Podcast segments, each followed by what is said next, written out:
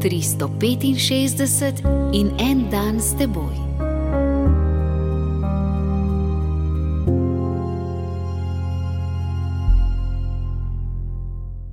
Iz druge Mojzesove knjige, 32. poglavje, sedma vrstica. Tedaj je Gospod rekel Mojzesu: Pojdi, stopi dol, kajti tvoje ljudstvo, ki si ga odpeljal iz egiptovske dežele, se je pokvarilo. Čim večkrat se je treba povzpeti na goro, da napolnimo baterije v osebnem stiku z Bogom.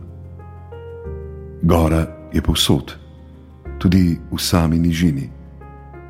Lastna soba, crkv, kakšen samostan, romarski kraj, duhovne vaje, nekaj časa, ki si ga ukrademo kljub zaposlenosti. Vendar pa krščanskega življenja ne moremo živeti na gori. Krščansko življenje je za nižino, za domove, tovarne, pisarne, ceste, bolnišnice, sindikat, politiko, medčloveške odnose. Kaj ti prav v nižini se dobro usodno spopada z zlom?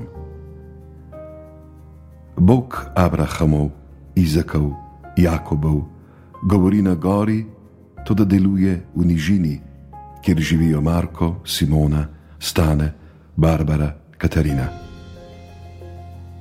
Molitev, zakramenti, maša služijo življenju, ne obratno. Ne živimo zato, da bi molili, prejemali zakramente, hodili k maši. Molimo, prejemamo zakramente in hodimo k maši zato, da bi živeli klop je dobra, da zajamemo sapo, tudi zmago dosežemo na igrišču.